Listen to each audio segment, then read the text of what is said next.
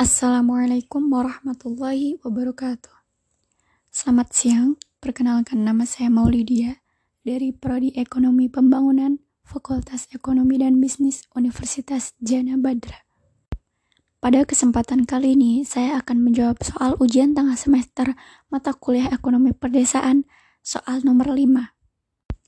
Baik, langsung saja kepada jawaban saya. SDGs Desa merupakan upaya konkret dalam membangun bangsa, yang mana turunan dari Peraturan Presiden Nomor 59 Tahun 2017 tentang pelaksanaan pencapaian tujuan pembangunan nasional berkelanjutan atau SDGs nasional. Tujuannya adalah agar SDGs nasional dapat tercapai melalui upaya pencapaian SDGs desa secara terpadu. SDGs desa ini sejalan dengan RPJMN yang ditetapkan oleh pemerintah juga mengadaptasi dari SDGs global yang merupakan kesepakatan dunia. Hal ini menunjukkan kepada dunia perihal komitmen Indonesia dalam mencapai tujuan SDGs.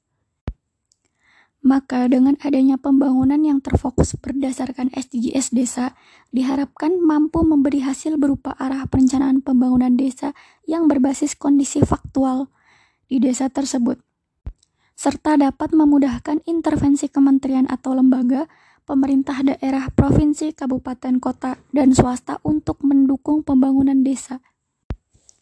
Lalu kemudian, apabila dalam SDGs nasional terdapat 17 tujuan pembangunan yang akan dicapai, maka dalam SDGs desa terdapat 18 tujuan karena ada satu tujuan yang ditambahkan untuk menjamin agar pembangunan desa tetap mengangkat aspek kultural dan keagamaan, yang mana tujuan ini tidak tercantum dalam SDGs global maupun nasional, sehingga di dalam SDGs desa ini ditambahkan tujuan ke-18, yaitu tentang kelembagaan desa dinamis dan budaya desa adaptis. Tambahan satu poin tersebut, indikatornya adalah kegiatan tolong-menolong yang didasarkan kepada ajaran agama, tokoh agama berpartisipasi dalam musdes dan implementasi pembangunan desa. Lalu, penyelesaian masalah sosial melalui pendekatan budaya. Agar kelembagaan budaya yang bagus itu tetap dipertahankan.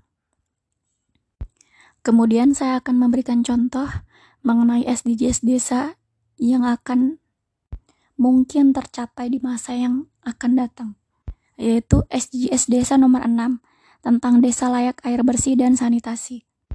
Pada periode 2015 sampai tahun 2019, presentasi akses rumah tangga terhadap air minum layak baik di wilayah perkotaan maupun wilayah perdesaan mengalami peningkatan.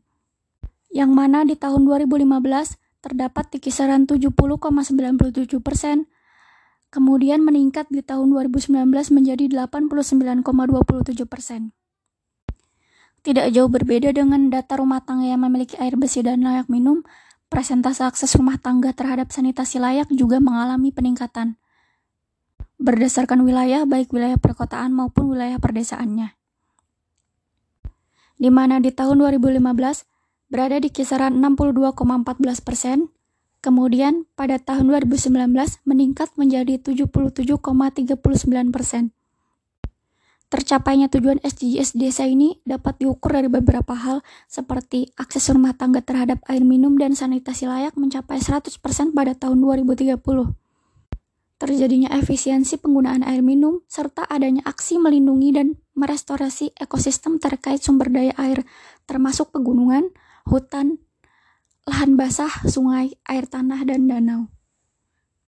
Maka dari data tersebut yang mana dari tahun 2015 sampai tahun 2019 maka dari data tersebut yang mana dari tahun 2015 sampai tahun 2019 persentase akses rumah tangga terhadap air minum layak dan persentase akses rumah tangga terhadap sanitasi layak mengalami peningkatan maka dapat dipastikan bahwa SDGs desa nomor 6 mengenai desa layak air bersih dan sanitasi ini memungkinkan untuk mencapai tujuan dari tujuan SDGs desa. Mungkin itu saja jawaban saya. Kurang lebihnya mohon maaf. Wassalamualaikum warahmatullahi wabarakatuh. Terima kasih.